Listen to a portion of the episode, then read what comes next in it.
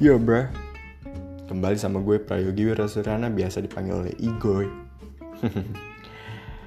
Di podcast Cimang Ciming Di mana podcast dengan penuh hiburan Bukan lagi suatu Tentang hanya kegalauan, kasmaran Dan itu semua menurut gue receh bro. Bisa gue bahas dengan mudah.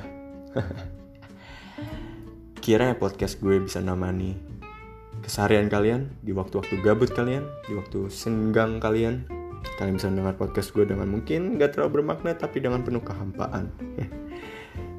Stay tune terus di podcast gue, di episode-episode gue lainnya.